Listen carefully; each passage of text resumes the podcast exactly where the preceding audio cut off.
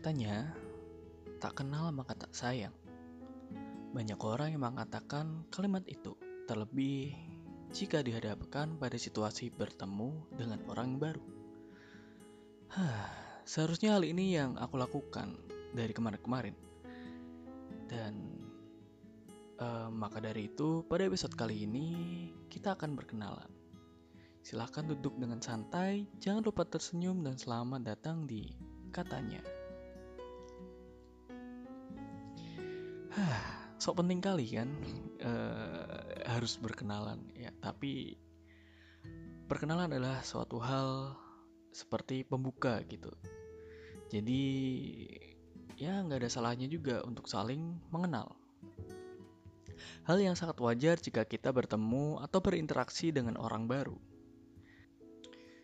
Maka dari itu, mari berkenalan. Namaku Hafid, tapi kalian cukup memanggilku dengan Pit saja ya. Karena ya lebih singkat aja dan lebih mudah untuk dikatakan gitu. Punya nama yang singkat, punya kelebihan dan kekurangan. Kelebihannya, contoh ketika kita sedang mengerjakan ujian sekolah, ya dulu sih, sekarang nggak tahu.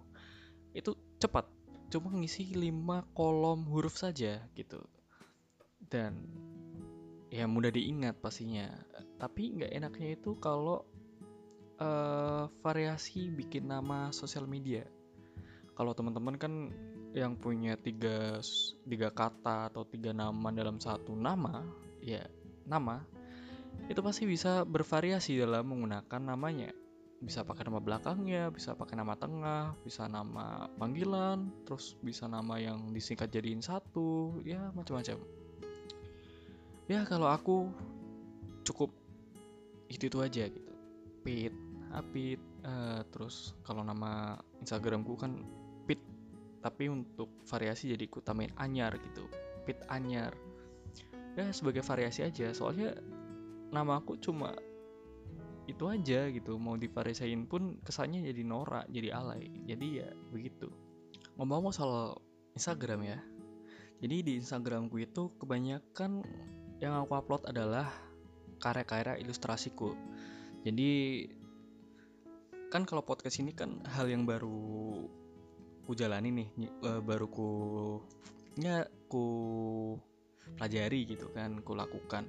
Dan sebelum-sebelum itu aku lebih sering menggambar sebuah ilustrasi dan tiba-tiba ilustrasiku adalah ilustrasi anak dengan style lebih ke barat gitu dulu sempat suka anime maksudnya gambar-gambar anime di usia-usia SMP cuman karena nggak bisa gambar manusia akhirnya nggak suka gambar manusia dan lebih suka gambar ke mobil-mobil jadi kebanyakan gambarku dulu waktu SD eh kalau SD itu lebih ke pemandangan pemandangan alam ya salah kayak gunung gunung terus tengahnya jalan terus ada burung gagak di langit, terus ada pohon kelapa miring gitu kan.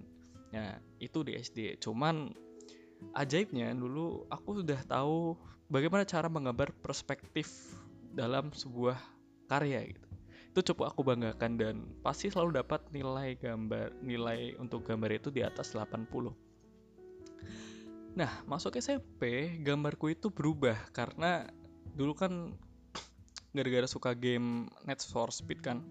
Jadi gambarku itu kebanyakan adalah gambar-gambar uh, mobil, mobil-mobil yang yang mobil-mobil balap gitu. Cuman dari gambarnya itu udah mulai 3D gitu. Jadi kelihatan depannya, kelihatan sampingnya. Soalnya kalau ngebar dari samping aja kan bosen kan dan aku pengen nge-expose depannya gitu. Soalnya yang keren dari sebuah mobil-mobil kayak gitu kan body bodinya itu yang bumper depan dan lain-lain ya itu SMP cuman karena dulu nggak ada apa ya platform atau suatu hal yang memicuku untuk terus menggambar akhirnya ya berhenti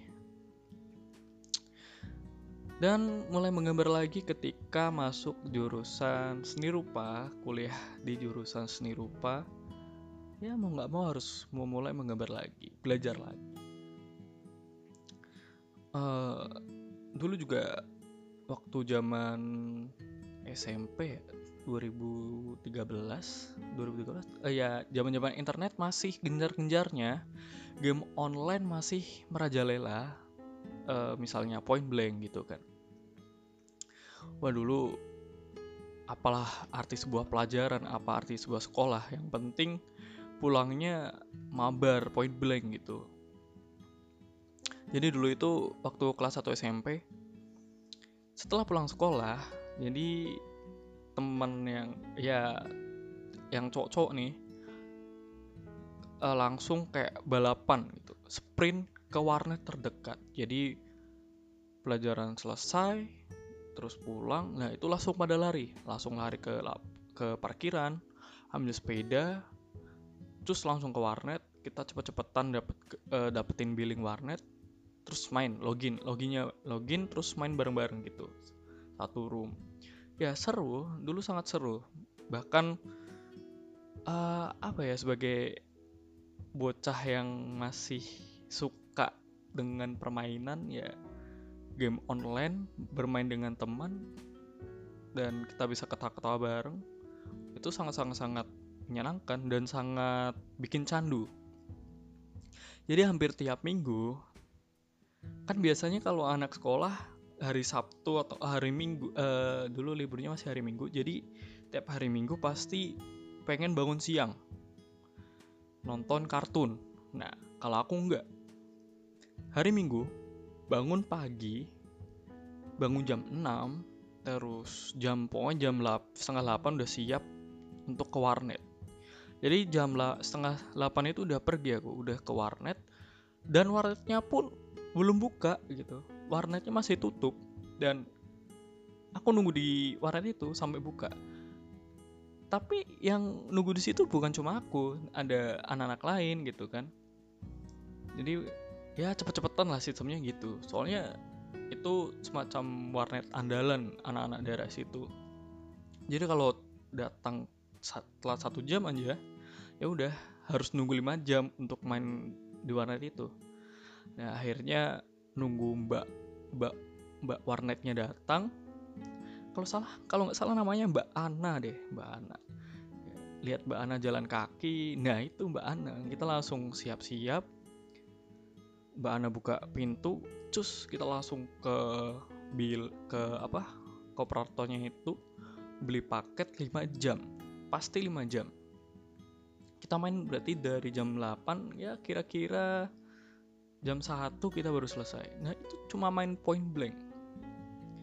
Tapi enaknya dulu itu kita mainnya bareng-bareng gitu. Jadi satu warnet itu bisa 5 sampai ya 5 5 sampai 7 orang kita main bareng satu satu geng gitu kita main bareng. Itu sih serunya. Cuman lambat laun mulai bosan. Dan ketemulah suatu game baru. Enggak game baru sih sebenarnya cukup lama cuman baru dikenalin sama temenku yaitu game MMORPG ya gitulah.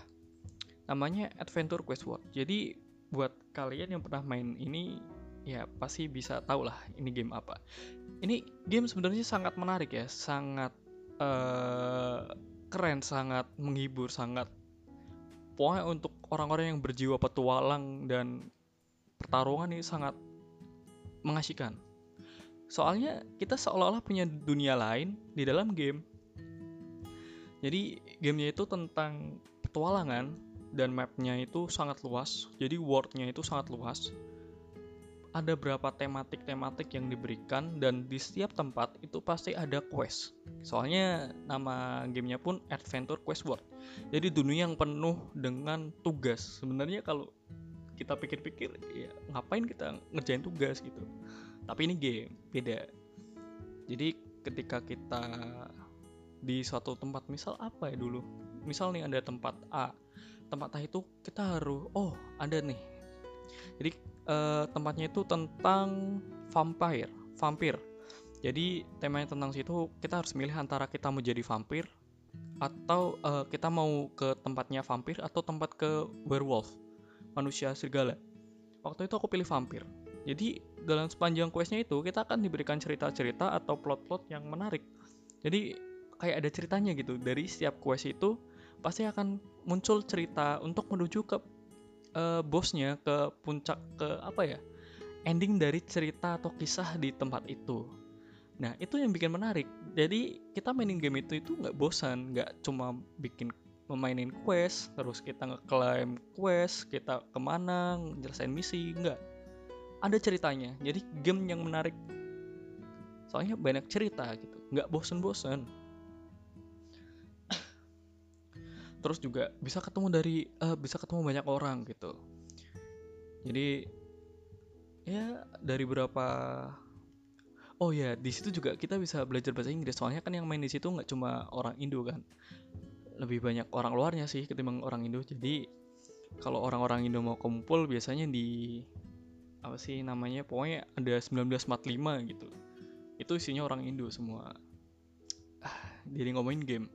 Tapi ya nggak apa-apa sih mungkin ini juga bisa sebagai ajang pengenalan ya siapa tahu dari beberapa beberapa dari kalian juga pernah bermain game atau senasib denganku yang terjebak dalam dunia gelapnya game online gitu.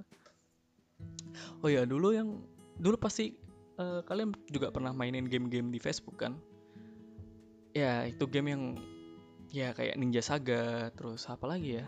Uh, yang mafia-mafia itu terus Dragon City terus apa itu nightclub Karton, hmm, apa lagi ya? Banyak.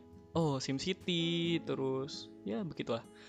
Aku main yang uh, paling aku ikutin adalah Karton sama Sim City. Dua game yang sangat aku sukai. Karton itu ya karena aku suka mobil. Toh ini kan zaman SMP kan. Jadi aku udah suka mobil. Gamenya pun tentang mobil. Jadi game gamenya itu tentang kita bikin garasi dream garage ya dengan mobil-mobil impian kita ya itu Ter terrealisasinya di game itu terus kalau satunya SimCity karena entahlah game game SimCity adalah salah satu game yang membuatku nyaman walaupun gamenya kalau untuk beberapa orang pasti membosankan soalnya kita mainin tapi kita tinggal gitu. Kita tinggal kita plototin biarkan game itu berproses kota itu terbangun. Ya untuk sebagian orang membosankan nggak ada tantangannya. Tapi menurutku itu sangat asik. Soalnya kita kayak seolah menjadi dewa gitu. Bisa kita mengontrol suatu kehidupan di suatu kota. Itu menyenangkan.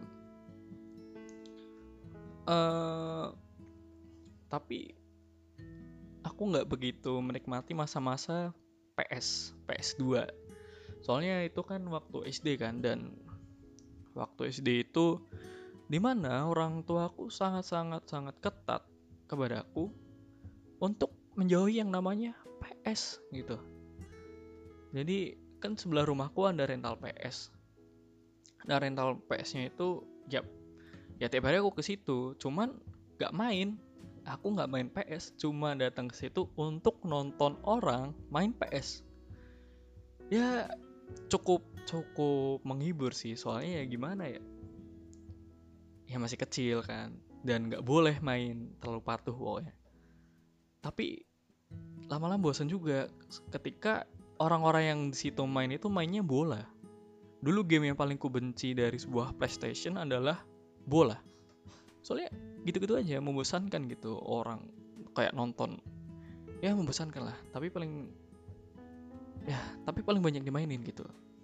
Nah paling suka itu kalau ada game-game yang petualangan atau ya misalnya GTA itu game yang paling the best untuk dimainin di PS2 akhirnya lambat laun aku beranikan diri main PS diam-diam gitu. Dengan salah satu temanku teman main.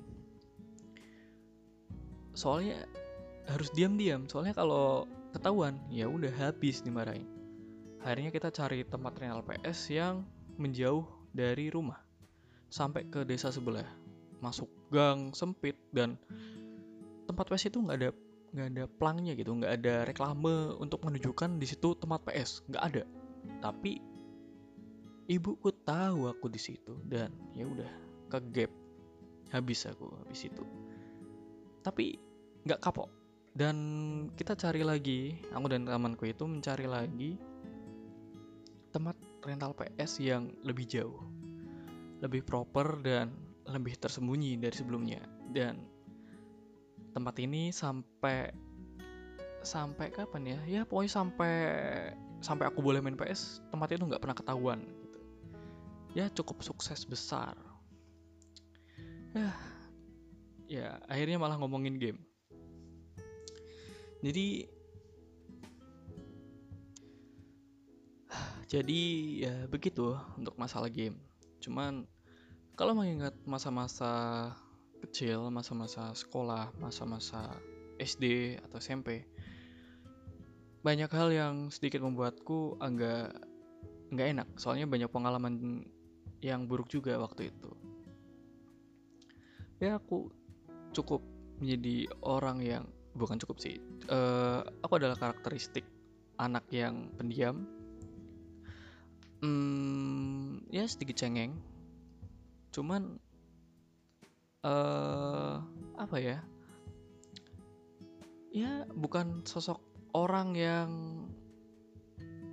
uh, bikin orang lain itu ingin berteman gitu. Soalnya biasa-biasa aja. Main bola nggak bisa, main layangan noob dan ya hal-hal yang biasa dimainin anak-anak pada zaman itu kebanyakan nggak bisa. Ya cuman dulu sih mungkin mungkin karena pada waktu itu pada saat aku SD itu karena orang tuaku yang sangat sangat keras bukan keras sih tapi membatasi membatasiku untuk bermain di luar gitu. Lebih baik aku belajar sekolah habis sekolah les les habis les ya TPK TPK itu sekolah sore ngaji gitu. Ya habis itu ya udah malamnya belajar lagi gitu. Udah gitu aja terus muter. Akhirnya kehilangan waktu bermain. Ya mungkin itu adalah salah satu dampak negatif dari hal itu. Cuman banyak juga dampak positif yang dapatkan setelah bertahun-tahun dari masa itu. Aku baru merasakan hal itu waktu masuk SMA jadi ya terbebas dari beberapa pergaulan-pergaulan yang kurang berfaedah. Mungkin akan aku ceritakan masa itu di episode yang lain. Soalnya kalau cerita di sini mungkin bakal sangat panjang gitu nanti bukan perkenalan malah jadi curhat curhatan masa lalu masa kecil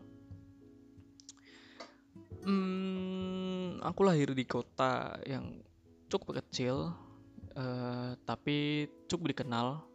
Banyak julukan untuk kotaku ini. Untuk kalangan umum bis, bisa disebut dengan kota batik. Namun untuk kalangan gamers biasanya mereka menyebut ini adalah kota cheater. Entah kenapa ya. Tapi ya mungkin karena dulu di zaman point blank itu banyak cheater atau orang yang bikin cheat itu berasal dari kotaku ya kota kecil dengan beragam kehidupannya gitu kan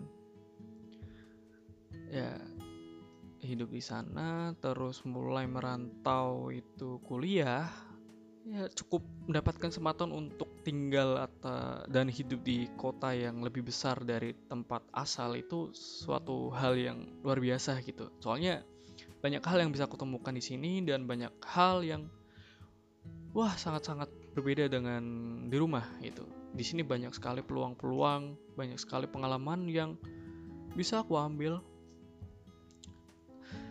Um, walaupun di kuliah aku bukan tipikal mahasiswa yang uh, apa ya organisasi dan lain-lain. Cukup menjadi kupu-kupu.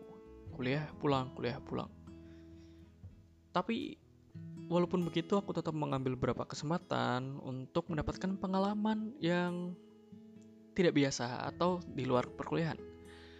Toh kita udah hidup di kota yang cukup besar masa cuma di kosan aja gitu kan? Kuliah kosan kuliah kosan kan kayaknya nggak worth it deh. Jadi aku mulai membuka diri untuk ikutin beberapa event gitu kan. Diawali dengan event kampus cuman nggak ikut organisasi gitu soalnya ribet.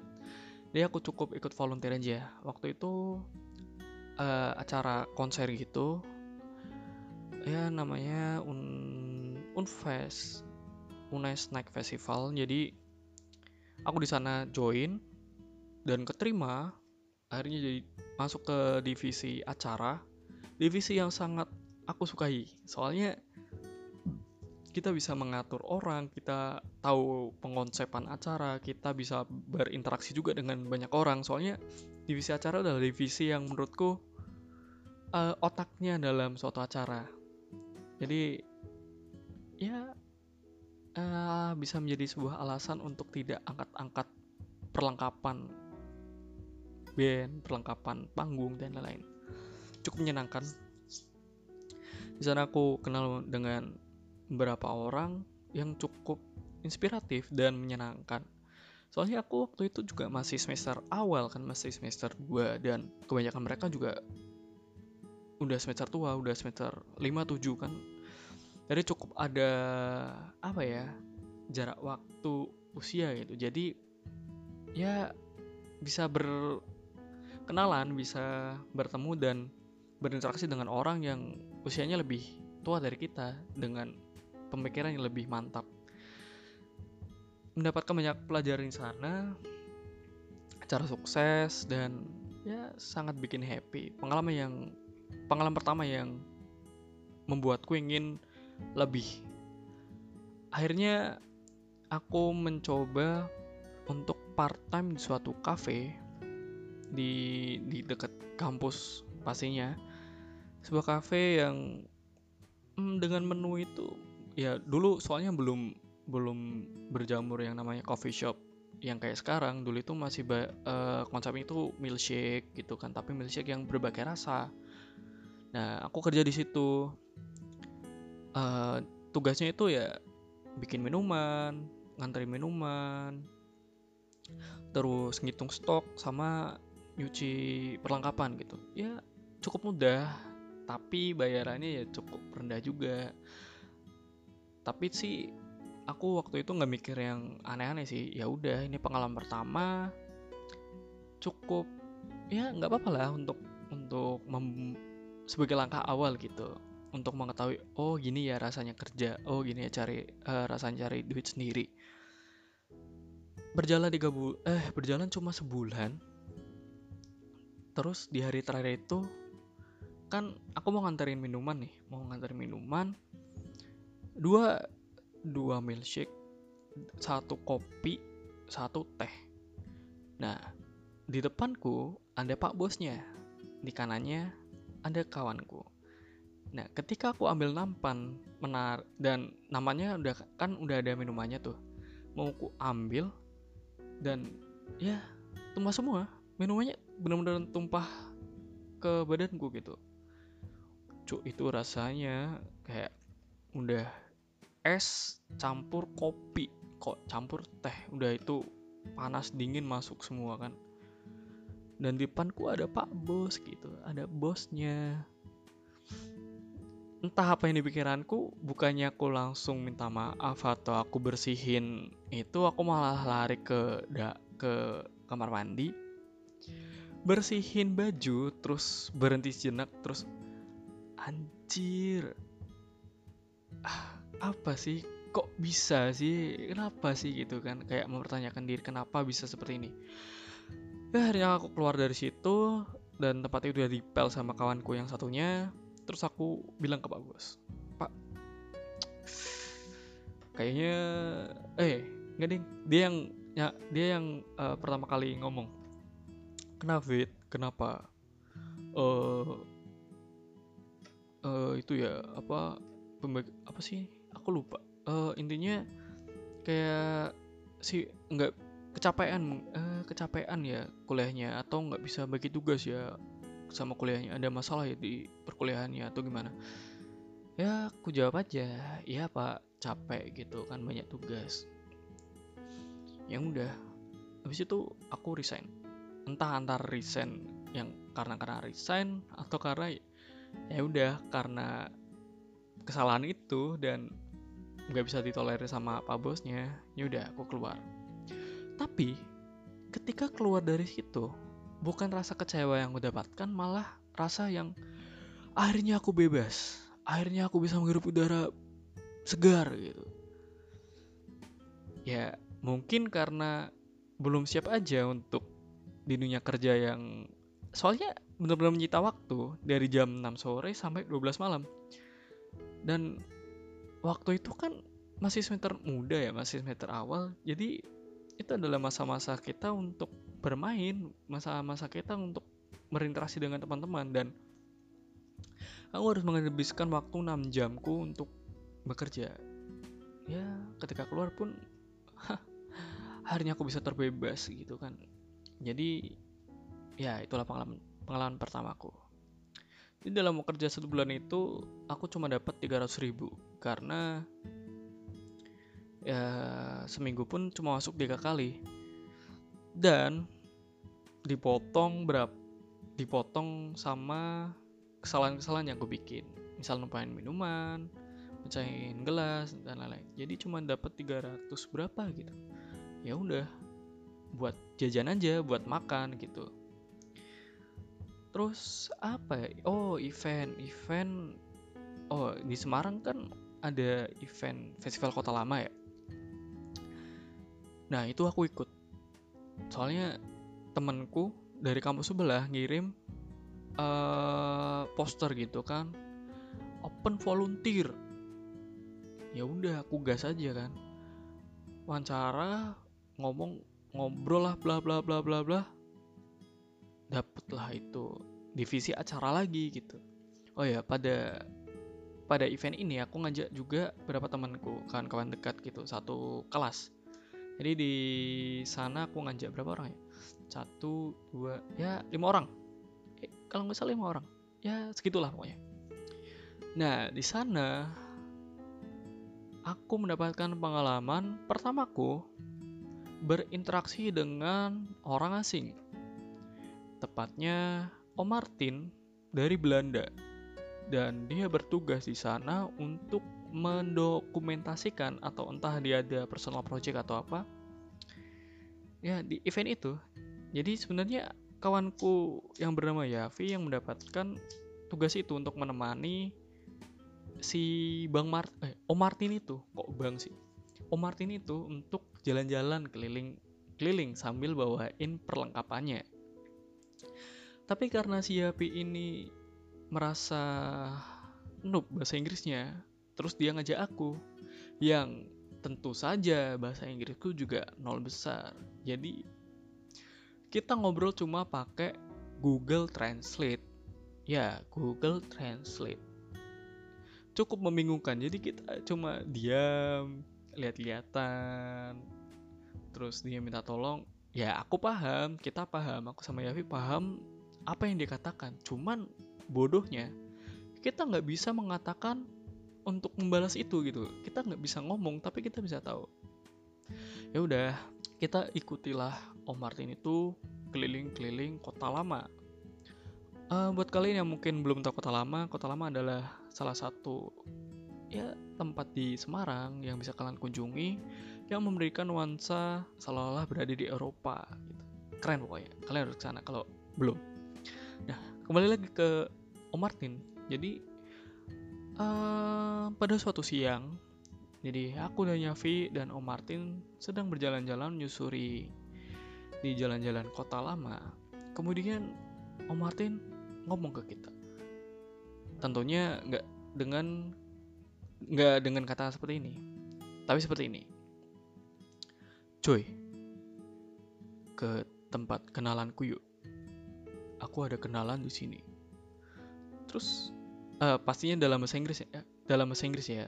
Ini ku translatein aja. Terus aku sama Yawi yes oke okay, let's go gitu kan. Terus kita jalan terus kita sampailah di depan rumah. Ya rumah-rumah gaya kayak kayak kalian lihat orang eh lihat orang lihat rumah jadul gitu rumah peninggalan orang Cina atau orang Belanda dulu lah rumahnya gitu. Kita masuk terus kita disambut oleh seorang nenek-nenek yang tentunya dan untungnya bisa berbahasa Jawa karena dia udah lama di situ. Nah si Om Martin itu kenal dengan dia dan mereka ngobrol lah dengan bahasa Belanda bener-bener bahasa Belanda. Jadi aku dan kawanku siapa? Benar-benar nggak tahu apa yang mereka bicarakan.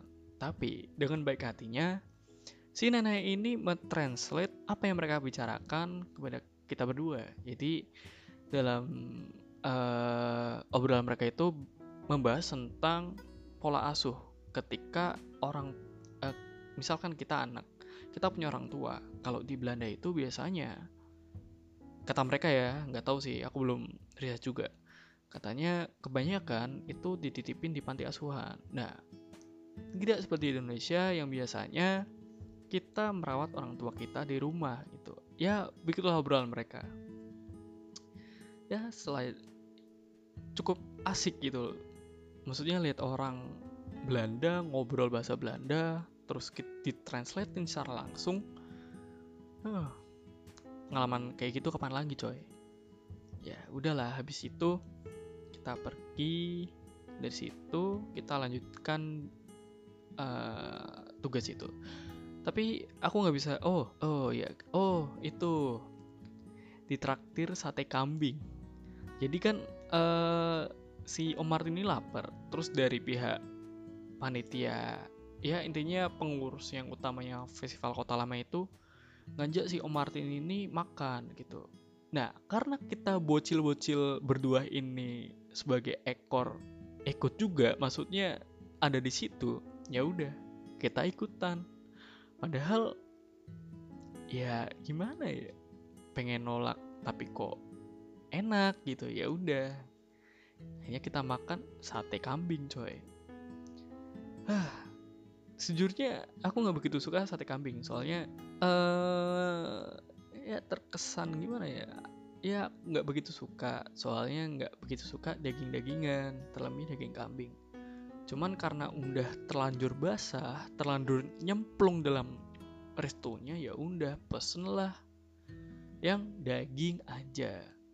Ketika dimakan hmm, nagih cuy enak kali itu. Ya udah menikmati sate kambing gratis gitu kan bersama Om Martin dari Belanda. Setelah makan, Yavi melanjutkan tugasnya dengan si Om Martin dan aku harus kembali ke divisiku. Ya, aku sedikit mengkhianati divisi acara hanya untuk hal-hal seperti itu. Cuman worth it. Hanya kembali ke divisi acara, membantu menyiapkan menyiapkan kursi-kursi uh, untuk delegasi dan tamu di sana ya begitulah. Pokoknya standby di situ. Terus acara dimulai terus ada pensi terus ada jam bebas. Ya bukan jam bebas sih acara bebas gitu kan. Ya udah kita joget-joget. Pokoknya seru dah itu. Ya pokoknya menyenangkan menyenangkan sekali. Terus ya udah setelah festival kota lama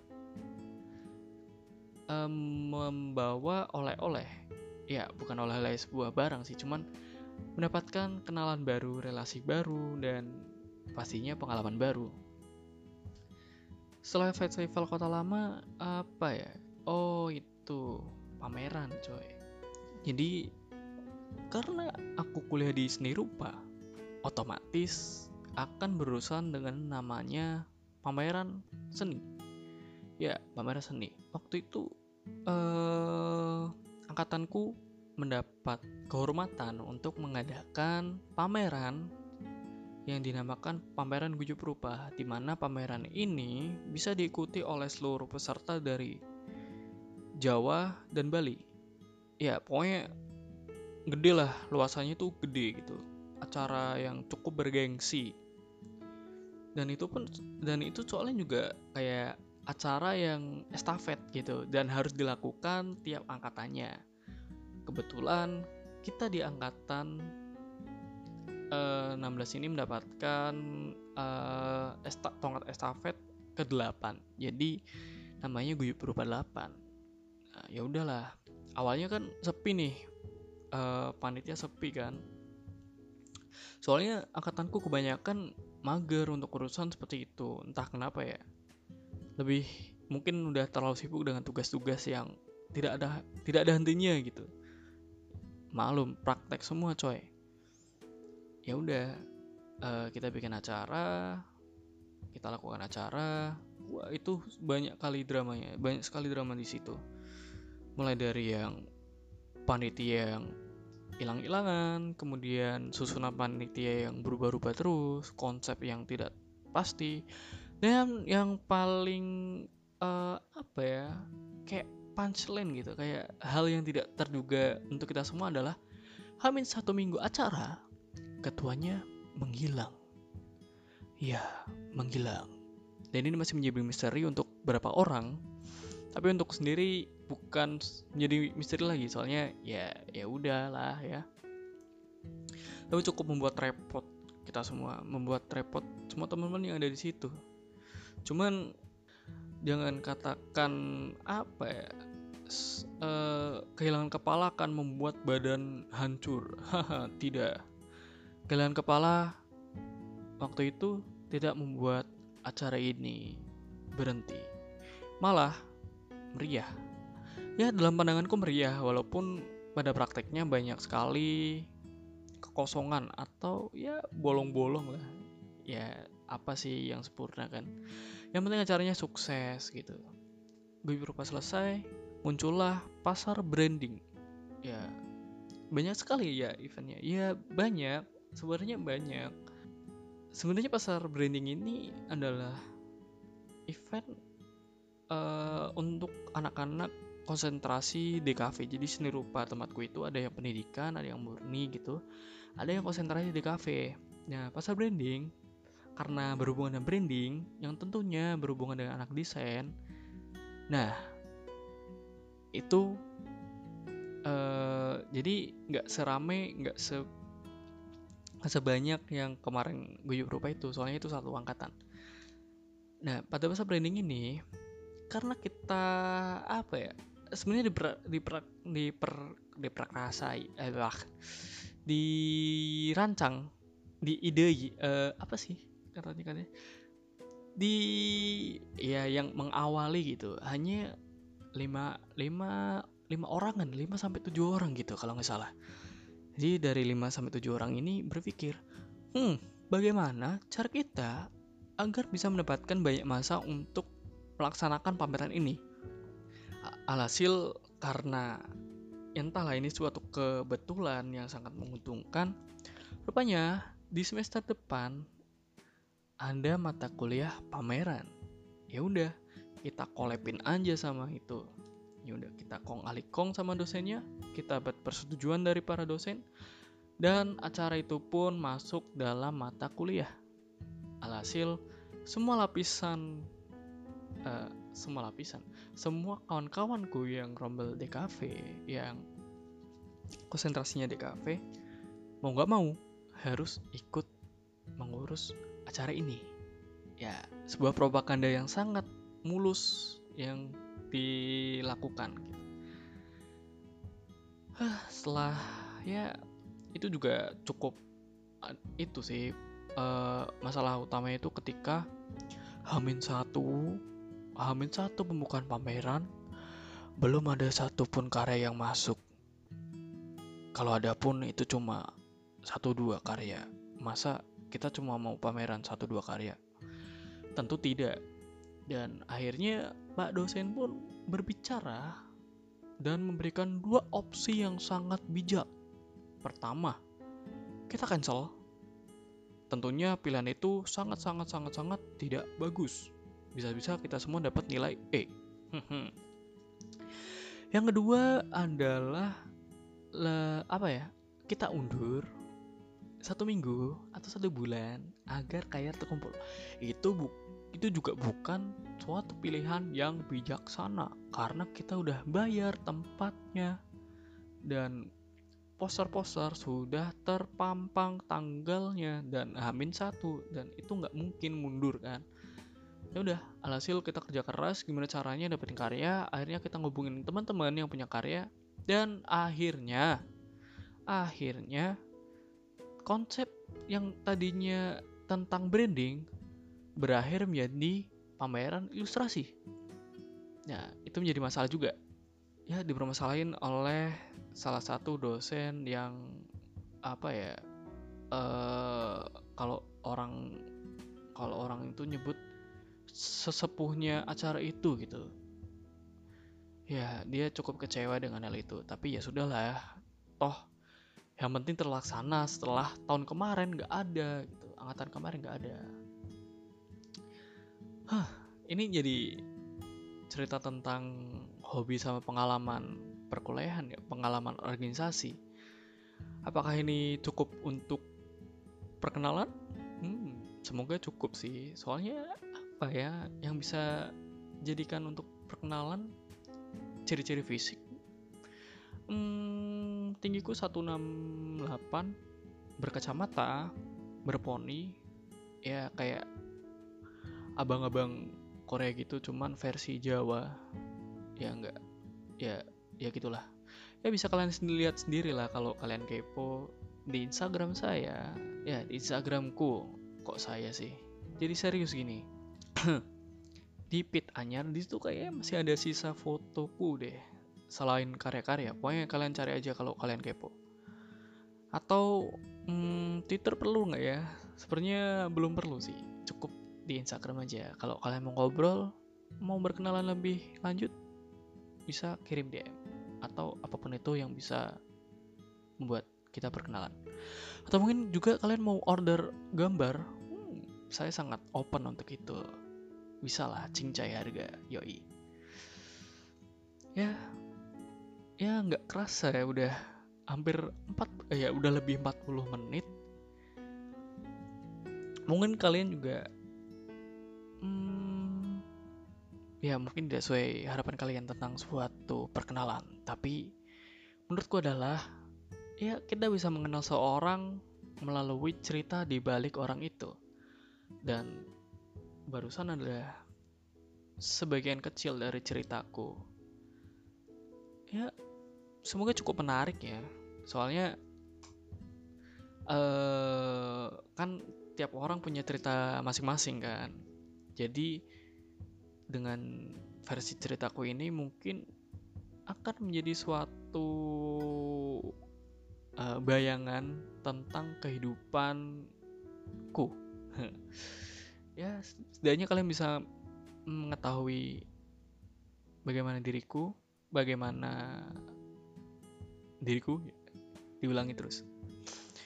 Ya, semoga saja dari cerita-ceritaku ya tadi bisa memberikan gambaran tentang diriku ini dan bisa menjadi apa ya ya sebuah perkenalan singkat dengan cerita di balik diriku mungkin aku akan bercerita tentang pengalaman-pengalamanku pengalaman-pengalamanku yang lain di episode yang lain tentunya.